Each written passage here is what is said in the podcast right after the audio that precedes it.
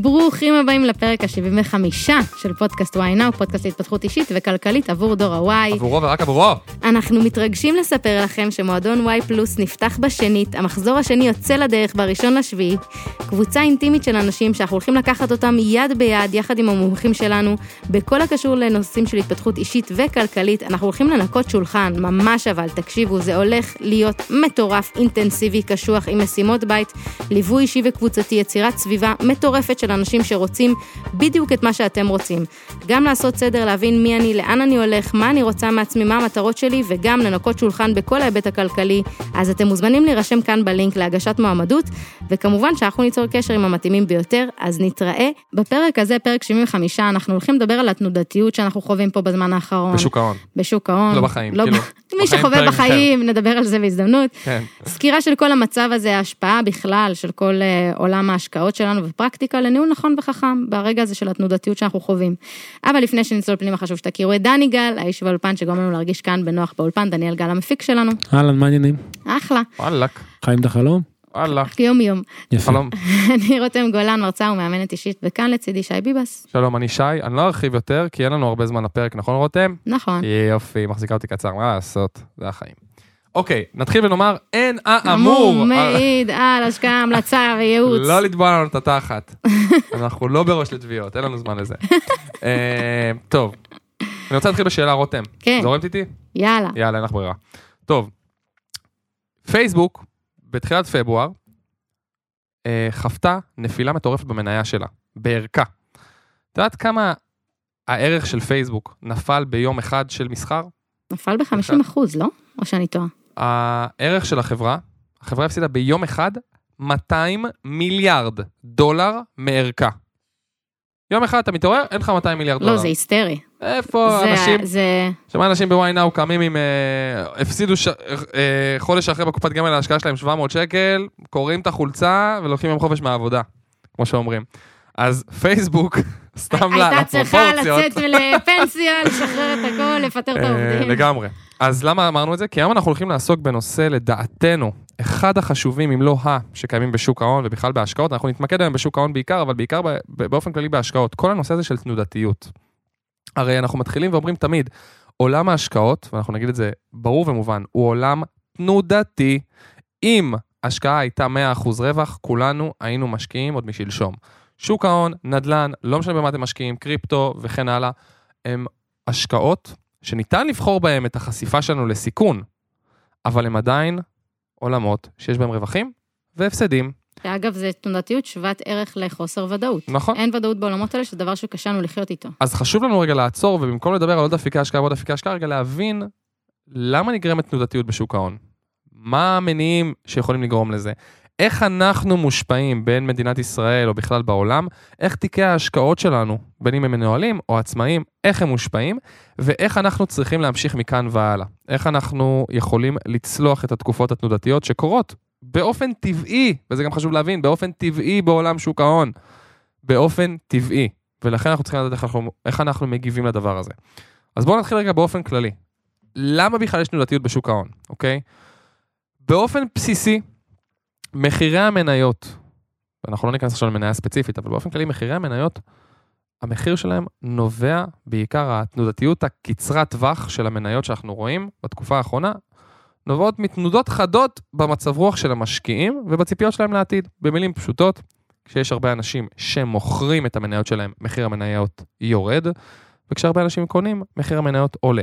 למה הם מוכרים? למה האלה קונים? הרבה מאוד סיבות, אנחנו נדבר עליהן, סיבות פוטנציאליות ללמה זה יכול להיגרם, וזה גם חשוב לנו לומר עוד משהו. הרבה מאוד מכם שמתעניינים בתנודתיות בשוק ההון, למה הייתה ירידה גדולה, למה יש עלייה, קוראים שעיתון אחד אמר כן בגלל המלחמה בין רוסיה לאוקראינה, אחד אמר כן זה מלחמת הסחר ארה"ב אה, סין, כן זה בגלל המבצע בעזה. זה לא תמיד נכון, זה כותרות נחמדות וסקסיות וגם אין אפשרות לבדוק את זה בתכלס, אבל זה לאו דווקא בגלל האירועים האלו. זאת אומרת זה איזשהו, יכול להיות איזשהו הימור שאין לו, לו סימוכין ואי אפשר גם להגיד אם זה נכון או לא נכון, אז זה גם חשוב לשים את זה בקונטקסט המתאים. באופן כללי התנודתיות נטו נוצרת, תנודתיות קצרת הטווח, נוצרת ממכירה של מניות וקנייה של מניות, מוכרים מול קונים, כאשר התנודתיות ארוכת הטווח יותר מבוססת על ביצועי החברה כחברה. סתם אני אומר, אפל, לא מצא להשקעה, Uh, המניה בטווח הקצר יכולה לנוע ממכירות וקניות, התנועתיות בזמן הקצר. בזמן הארוך, שוק ההון, המניות אמורות להראות גרף שתואם את ביצועי החברה כחברה. חברה טובה אמורה להיות בעלייה. בעלייה מתמדת. דבר שאמור להשתקף במחיר המניה. אז זה גם חשוב להבין תנודתיות קצרת טווח וארוכת טווח. זה קודם כל. אז למה יש תנודתיות בשוק ההון? קודם כל, אחד, יש לנו הרבה משקיעים פרטיים בשוק ההון. עכשיו, למה זה קורה?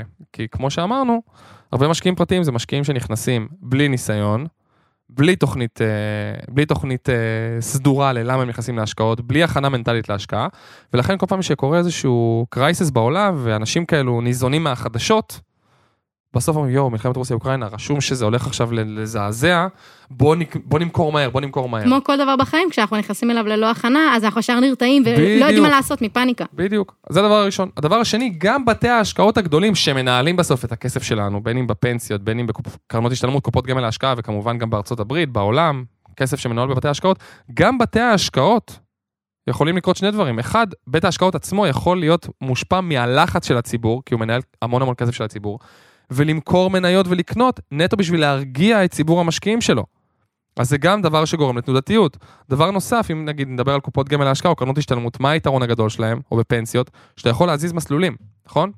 עכשיו, מה זה אומר להזיז מסלולים? רותם עכשיו הייתה במנייתי, העבירה לאג"ח, סתם אני אומר. מה בתכלס החברה עושה? מוכרת את ההחזקות שלך במסלול המנייתי, וכל אלה אג"ח, אז זה גם מכירה כלשהי. אז כשיש הרבה תנודתיות כזאת, יש, נותנים לאנשים את, את המקום שלהם להחליט, ואנשים שלא החלטיים זזים מאוד מאוד מהר, זה גם באופן עקיף משפיע על מחירי המניות, על איך שנראה שוק ההון. דבר נוסף זה גם הזמינות. תחשבו שהיום אנשים יושבים באוטובוס, בלחיצת כפתור באפליקציה מוכרים מניות, קונים מניות, מכל קצה בעולם. זה גם דברים שגם גורמים לתנודתיות, בעיקר קצרת טווח, מאוד מאוד מהר. קניות, מכירות, קניות, מכירות, קניות, מכירות, הכל קורה כל כך מהר. כי יש זמינות היום, כל אחד מהסמארטפון שלו עושה, מנהל את העולם. זה הדבר השלישי. עכשיו, אני רוצה לקחת אפילו איזשהו מקרו יותר, מיקרו סליחה, ולהגיד מה גרם אולי לתנודתיות בזמן האחרון. יש כמה דברים שקרו. עכשיו, האם הם בטוח בגלל זה קורית התנודתיות? אנחנו לא יודעים. אנחנו מנסים לחשוב ולהבין למה. הדבר הראשון זה מלחמת רוסיה-אוקראינה. אם אתם שומעים את הפרק הזה איפשהו באפריל 2022, המלחמה עדיין מתנהלת. אמ, עכשיו, היא התחילה בפברואר 22. רוסיה התחילה בתקיפה על אוקראינה, לא, לא, לא נרחיב על זה, אבל בשווקים מיהרו להגיב. מחיר הנפט עלה. חיטה ותירס, שזה דברים שבעיקר מייבאים מאוקראינה, המחירים עלו, כי היה בעיה באספקה. כשיש בעיה באספקה יש יותר ביקוש מהיצע. מה עושים? מעלים את המחירים. הזהב עלה, הבורסה של מוסקבה התרסקה. אמ, אפילו הקריפטו מתרסק, הרבה קוראי ביטקוין נמצאים בעיקר במזרח אירופה, רוסיה, אוקראינה, לא רק כמובן, אבל הרבה מאוד מהם. זה גם משפיע על כל, על כל עולם הקריפטו. חברות הייטק, בסוף שמונפקות, לא מעט מהן מונפקות בבורסה, לא משנה, הישראלית, האמריקאית, העולמית, המון חברות הייטק מחזיקות את ה-R&D שלהם, את ה-Research and Development, הפיתוח שלהם שם. במדינות מזרח. מה הם עושים עם, כל, אה, עם, עם המשרדים שלהם באוקראינה, שכל ה-Research and Development שלהם נמצא שם? דופק להם את התוכניות העסקיות, מונע מהם לעשות הרבה מאוד דברים, משפיע עליהם בצורה כזו או אחרת, וגם המניות שלהם נראות אותו בהתאם. אז מה היה בתכלס מיוחד בדבר הזה? כל בן אדם שמבין בשוק ההון אומר דבר מאוד מאוד חשוב. שוק ההון לרוב יודע לצפות מה הולך להגיע וכבר להגיב בהתאם עוד לפני האירוע עצמו. לדוגמה, לפני שבוע עלתה הריבית בישראל בעוד אה, רבע אחוז. עוד שעלתה הריבית בארצות הברית, כבר השווקים, עוד לפני שעלתה אפילו הריבית בארצות הברית, השווקים רק שהתחילו לדבר על זה בבנק, בפד, הבנק המרכזי בארצות הברית, רק שהתחילו לדבר על האפשרות לעלות ריבית, כבר השווקים הגיבו בירידות. ואז שכבר עלתה הריבית, בתכלס שהכריזו על זה, אז העליות היו נורא, התנודתיות הייתה נורא נורא קטנה. כי כאילו כבר השווקים הגיבו. הכינו את עצמם כבר, כבר הייתה את התגובה. בדיוק, הכינו את עצמם כבר מלפני כן, אז לרוב שוק ההון גם נוהג להגיב לפני כן. כאן במלחמה עם רוסיה, היה משהו מעניין, כי השווקים לא הגיבו לזה ברמה המיידית שהיה דיבור שהולך לקרות משהו, והרבה מדברים על זה שהם בעצם לא האמינו שבמאה ה-21 תהיה באמת מדינה שמנסה לכבוש כן, מדינה אחרת. פיזית. אתה נכון. מבינה? אז גם הרבה, את יודעת, אנליסטים ואנשים בחברות הגדולות שישבו וניסו להבין מה, מה אני עושה עם המצב הזה, לא, לא הגיבו כמעט לשינוי הזה, כי הם אמרו, אין מצב שדבר כזה יקרה בשנת 2022, שמדינה אחת תנסה לכבוש מדינה אחרת, כאילו, זה לא הגיוני. אז אומרים שהרבה מאוד, הם חושבים ש, שהרבה מאוד אנשים תולים את העובדה שלא, שהשוק לא הגיב לקראת המלחמה, כי לא האמינו באמת שזה יגיע לדבר כזה. תמיד זה היה איומים, דיבורים. אה, שמעתי באיזה פודקאסט שכמה ימים לפני המלחמה הייתה פגישה בגרמניה, של כל ראשי הממשלה, שרי הביטחון, פוליטיקאים שקשורים במדינות האיחוד האירופי, ועשו להם איזושהי הצבעה, האם לדעתם תהיה מלחמה? יותר מ-75% הצביעו שאין מצב שתהיה מלחמה. זה סתם כאילו להראות שרירים. אז את יכולה רק להבין, אתם יכולים להבין מה היה ה-state of mind של העולם, או לפני המלחמה, לא האמינו שזה. יקרה. אז בתכלס, השווקים אחרי שהתחילה המלחמה הגיבו בירידות מאוד חדות. האם זה רק בגלל זה? לא יודע. אפשר לחשוב על זה, אבל חושבים שזה אחת הסיבות לירידות. אז אמ, זה דבר אחד. דבר שני שיש לשווקים נטייה, זה נטייה להגזים. הרבה מאוד מהשווקים שהם חושבים על איזשהו אירוע שהולך לקרות, הם נוטים להגזים באיך שהם מגיבים לאירוע, בציפייה לאירוע. לדוגמה, בקורונה בהתחלה, אם אתם זוכרים, היה ירידות מטורפות במרץ-אפריל 2020, שהקורונה התחילה, כי הם אמרו, יואו, זה הולך להיות מטורף, הירידות מאוד מאוד חדות בהתחלה, כשמתחיל משהו חדש, הירידות מאוד מאוד חדות. ככל שהאבק שוקע, ולאט לאט האירוע, אנחנו כבר מתכנסים לתוך האירוע וחיים בתוך האירוע, הממדים האמיתיים ושוק ההון מתחיל להתאושש, ולראיה כמובן תקופת הקורונה, ירידה מטורפת, ומה קרה עכשיו בשנה וחצי אנחנו בתוך הקורונה? עליות מטורפות, חברות שמתומחרות הרבה יותר גבוה ממה שהן שוות. אנחנו רואים את זה, אנחנו חווים את זה, השנה האחרונה הייתה שנה מטורפת מבחינת תשואות, ואנחנו בשנת קורונה. למה? כי בהתחלה כולם פחדו, מה יהיה, מגפה עולמית, בלאגנים, השווקים הגיבו בירידות חדות, פתאום שהאבק קצת מתפזר מסביב לכל המהומה, לא רק שהחזיר, היה אחלה זמן עלה. להיכנס. אחלה זמן להיכנס, ותראה עכשיו איפה נמצאים המניות, עזבי של... ש... מה זה, לא לדעתי, הם פשוט, הרבה מאוד מהמניות מתומחרות הרבה יותר ממה שהן שוות, אבל עדיין, תראי איזה עלייה, ואנחנו בתוך תקופת קורונה, סגרים, תרופות, הרוגים, עדיין השווקים עולים. אז זה לגמרי זה. אמ, עכשיו, אז כמו שאמרנו, כל ההשלכות של המלחמה הזאת היא בעיקר על הכלכלה העולמית, עלייה במחירי הסחורות, מחיר החיטה עולה, מחיר הזהב, מחיר הנפט, כל המחירים האלו בסוף משפיעים גם על הכיס שלנו, גם על ישראל. אמ, אז זה הדבר הראשון. הדבר השני שקרה בזמן האחרון זה האינפלציה שעולה. האינפלציה בישראל היא 3%, בארצות הברית היא עברה את ה-7, 7%, ל-7.5%, זו הייתה ההכרזה האחרונה של הבנק המרכזי. וחשוב לי להגיד משהו מאוד מאוד חשוב, כי יש קשר ישיר, יש קשר צמוד בין אינפלציה לריבית, וחשוב רגע שנבין אותו ונבין גם מה, מה, מה גורם ומה הקשר ביניהם. הקשר הוא לא מקרי, שהריבית במשק נמוכה, כדאי פחות לחסוך, יותר כדאי לקחת הלוואות, ריבית נמוכה, נכון. הרבה אנשים לקחו משכנתאות. עכשיו, צרכנים, אנחנו, שלא כדאי להם לחסוך, אנחנו נוציא חלק מהכסף על צריכת מוצרים, כי אנחנו לא רוצים לחסוך, לא שווה לנו לחסוך, אין, אנחנו לא נקבל ריבית בכלל על החיסכון. אנחנו מוציאים כסף, אנחנו צורכים מוצרים. צורכים מוצרים, מגדילים את הביקוש. הביקוש מגדיל נכון. את. מעלה מחירים. עכשיו, הגברת המעלה- הביקוש, בדיוק. מעלה את המחירים, המחירים מעלים את האינפלציה. היצרנים מעלים מחירים, ואינפלציה זה בעצם שחיקת ערך הכסף או עליית המחירים, שזה בדיוק מה שקורה. במקביל, אם הריבית עכשיו נמוכה, חברות עסקיות, חברות גדולות, שאנחנו משקיעים בהן חלק מההשקעות שלנו בשוק ההון, הן אומרות הריבית נמוכה, בוא גם אנחנו ניקח הלוואות, בשביל העסק. נשקיע בעסק, נשקיע בהשקעות אחרות. עכשיו, הגידול בהשקעות, עכשיו חברה משקיעה, משקיעה בהמון המון דברים. הגידול בהשקעות מעודד את הביקוש לחומרי גלם ולעובדים, אוקיי? התוצאה היא עלייה במחירים, כנ"ל, אותו דבר. זאת אומרת, גם בפן הצרכני הפרטי וגם בפן העסקי, השורה התחתונה בהורדת הריבית זה העלייה של מחירים, של סחורות, של עובדים, של שירותים, של חומרי גלם, וככה בעצם עולה האינפלציה, אוקיי? עכשיו, העלאת הריבית זה בדיוק הדבר ההפוך. כאילו אם עכשיו אנחנו רוצים לדכא את האינפלציה, וזה בדיוק מה שקרה עכשיו במדינה, חברים, וזה חשוב לנו שתעשו רגע את- ההבנה הזאת. מה קרה? האינפלציה בישראל עלתה. אנשים חזרו מהקורונה, חזרו לעבוד, התחילו לקנות דברים, חזרו לחיים, מצד שני, עדיין יש בעיות באספקה של ציוד.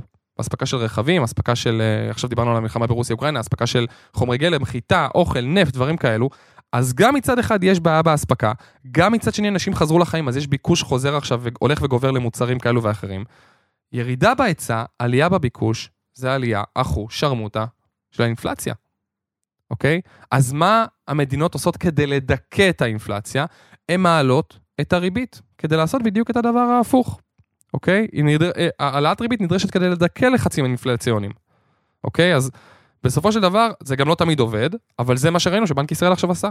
והבנק המרכזי בארצות הברית והבנקים באירופה, המדינות באירופה, האינפלציות, האינפלציה עלתה בכל העולם, בארצות הברית 7.5%, באירופה, באנגליה 6%, בישראל 3%. מה עשו כל הבנקים בחודש, חודש, חודשיים האחרונים? העלו את ריבית הבנק. ואז וזה- הם יצרו איזון. בדיוק. אז בסופו של דבר, זה מה שקרה. זה מה שקרה מבחינת אה, אינפלציה, והדבר השלישי זה כל מלחמת הסחר של סין וארצות הברית. במה, מי שלא יודע, אנחנו נעשה קיצור של דקה. במהלך, אה, בשנה, שנתיים, כמה אה, האחרונות, המעמד של סין עלה מאוד מאוד בעולם.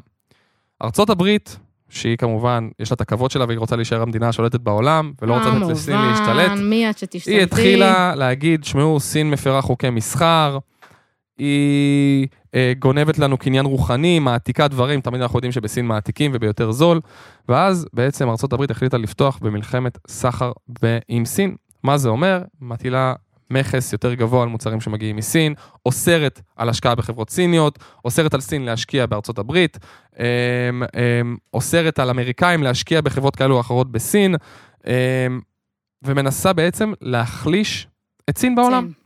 עכשיו, יש הרבה מאוד נקודות חיכוך בין ארה"ב לסין, אנחנו לא ניכנס להכל, אבל השורה התחתונה היא בסופו של דבר, האמריקאים מפחדים שסין, עם הכוח עבודה הזול שלהם, עם העתקות של מוצרים שהם עושים ביותר זול, העובדה ש... אני לא יודע אם את יודעת, אבל בעוד לסין, סינים יכולים להשקיע בארצות הברית כמו שאת ואני משקיעים בארצות הברית, בחברות, נכון.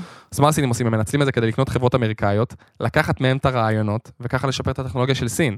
ולכן היא אומרת, אנחנו משקיעים בארצות הברית, קונים חברות, רוכשים חברות, לא משנה עכשיו אמריקאיות או לא, מושכים את הטכנולוגיה שלהם, מעתיקים אותה, עושים אותה יותר זול אצלנו, עושים על זה כסף. אז בסוף הברית אמרה, נגמר הבט, "מ, אנחנו עכשיו הולכים להיכנס בהם, והמלחמה הזאת, כמו שאתם מבינים, עלייה במכסים, היבוא יורד, יותר בלאגנים עם שתי המעצמות הגדולות, אנחנו משקיעים הרבה מאיתנו, חשופים הברית, חשופים לסין, ראו אלטשודר שחם שהשקיעו בחברות סיניות. זה השפיע מאוד אז גם על הכיסים שלנו בתור ישראלים שחשופים לשווקים האלו, של סין, של הברית. והדבר הרביעי, כמו שאמרנו, הקורונה. הקורונה הביאה בסופו של דבר להת... להתנפחות של הרבה מאוד מניות, ולתיקון, ו- ובסופו של דבר, אה, המנ... הרבה מאוד מניות בוול סטריט, בארצות הברית בעיקר, מניות טכנולוגיה בעיקר, אה, נופחו הרבה יותר מעל המחיר שלהם. מניות שנגיד שוות לפי חישובי אה, דוחות של חברה, סתם אני אומר 100 דולר, יכולות להגיע ל-150, ל-200, ל-300 דולר למניה. זאת אומרת, חברות שוות הרבה יותר ממה שהדוח שלהם אומר, ממה שהמדדים שלהם אומרים. ולכן עכשיו, כמו בכל חיים של מניה, יש את שלב התיקון. או בחיים של הרבה מניות, יש את שלב התיקון. יש את הזיג וזג, כמו שאבי שטרן יגיד לנו בפרק הבא. אז עכשיו אנחנו בזג. ואנשים לא מבינים שזה גם חלק מחיים של מניה, היא לא יכולה כל הזמן לעלות. אז זה הדבר הרביעי שמשפיע, או שיכול להשפיע. עכשיו, מה זה אומר עלינו מבחינה, מבחינת ישראל, בתור ישראלים שגרים בישראל? מבחינה כלכלית, יש לנו הרבה חברות הייטק עם צפחי, צוותי פיתוח ברוסיה, אוקראינה, זה משפיע על החברות האלו, משפיע על התזרים שלהם, משפיע על הרווחים שלהם, משפיע על המחירי מניות שלהם. עכשיו, כל מי שמשקיע כאן בשווקי העולם, ארה"ב, סין, חשוף בדיוק לבעיות האלו. עכשיו, מה, ש, מה שעוד קרה, זה שישראל מבחינת גז טבעי, יש לנו את זה בארץ, אנחנו לא מייבאים משום מקום. מבחינת פחם, מבחינת חיטה, מבחינת נפט, מבחינת כל הדברים האלו, אנחנו מייבאים. מאיפה אנחנו מייבאים? מאוקראינה, מרוסיה, ממדינות אחרות. המלחמה קרתה, כמו שאמרנו, ההיצע ירד, ביקוש ממשיך לעלות, או לפחות נשאר קבוע במקרה הרע, במקרה הטוב, ולכן המחיר עולה. ואז אנחנו חוטפים את זה כעליית מחירים. זה הדבר הנוסף. עכשיו, מבחינת משקיעים, יש פה אנשים שמשקיעים, כמו שאמרנו, אפשר להעריך שהאירועים האלו יידחו עם הזמן. כי הרבה אנשים חושבים שהפיק כבר הגיע, אבל הוא יכול גם להגיע עדיין, וצריך להיות לזה מוכנים. אמ, אז אני רוצה רגע לדבר, אנחנו רוצים רגע לדבר על השורה התחתונה. דיברנו עכשיו על מה קרה לתנודתיות, מה יכל לגרום לתנודתיות, ממי התנודתיות נובעת, זה מגניב, זה סבבה, חשוב לנו להבין את זה, ודיברנו כמובן על שני דברים חשובים, אינפלציה וריבית ועל הקשר ביניהם. עכשיו בואו נראה איך אנחנו בתור משקיעים, בין אם אנחנו משקיעים בתיק עצמאי, בין אם אנחנו משקיעים בתיק מנוהל, בין אם יש לנו פנסיות, לא משנה מה, לכולם פה יש, איך אנחנו צריכים להגיב לזה. אז הדבר הראשון שאנחנו תמיד תמיד תמיד מתעסקים בו, זה לדעת איך לנהל את הרגשות שלנו, מתי אנחנו לא נוגעים בתיק, להתנהל על פי תוכנית העבודה שלנו שקבענו מראש, ולהיצמד לאסטרטגיה. נכון שלפעמים אנחנו נבחן כל מקרה לגופו ונחליט למכור או לקנות לפי אה, אירוע מסוים, או כמו שעכשיו קרה שיש קורונה, אז אנשים נכנסו למרות שהם לא, תכנ... לא תכננו דברים כאלו, אבל לא לגעת בתיק מתוך לחץ, כמו שתיארנו מקודם, מתוך פאניקה, נכון. מתוך מה יקרה אם, מה יגידו, אולי יש משהו יותר שווה, אלא להיצמד נכון. לאסטרטגיה ולתוכנית. וזה מה שחשוב, אנחנו תמיד אומרים את זה, לא נכנסים להשקעות בלי תוכנית סדורה וידועה ומטרות ידועות. למה? בדיוק בגלל הרגעים האלו, בגלל, בגלל רגעים של ירידות ועליות. אנחנו לא מושפעים מהם. למה? כי כשאתם נכנסים עם מטרות, יעדים, אסטרטגיה שאתם מאמינים בה, אתם תפעלו בהתאם, ואתם תצמדו לאסטרטגיה. בדיוק דיברנו על זה, הירידות עכשיו זה ירידות שיכולות להימשך כמה חודשים, אולי שנה, שנה וחצי, מה שקרה ב- ב- בירידות ב-2008, שנמשכו בערך שנה וחצי. אנשים שידעו למה הם נכנסים לדוגמה ל-20 שנה בהשקעה, הירידות ה... לא השפיעו עליהם. לא השפיעו הירידות עכשיו של הכמה חודשים הקרובים, זה לא מעניין. כי אנחנו מתרכזים בטווח הארוך, אז תזכירו לעצמכם תמיד מתי אתם...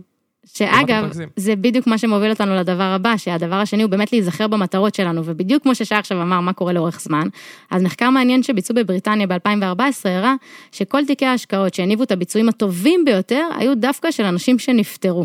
מטורף. וזה זה די הזוי, כאילו אתה אומר, מי בוחן תיק של בן אדם שנפטר, אבל תכלס זה בגלל שהיורשים שלהם, שקיבלו את התיק הזה, לא ביצעו שום שינוי אה, אחרי הפטירה של, הקור... של אותו קרוב קרובת משפחה. וגם כאשר השוק ירד או עלה, הם לא, היו, הם לא מחוברים רגשית לדבר הזה.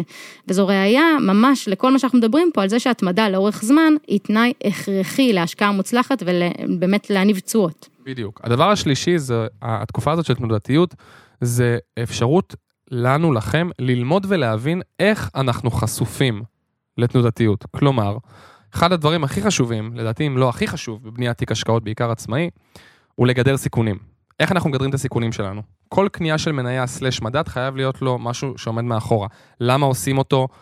למה אני עושה את זה? מה הסיכונים? מה האפשרויות? מה הרווחים הצפויים? איך אני מגיב לזה? ולכן, כשאנחנו בונים תיק, אנחנו חייבים לבדוק באמת איך הוא מגיב לירידות ועליות, איך אנחנו מגדרים את הסיכונים שלנו.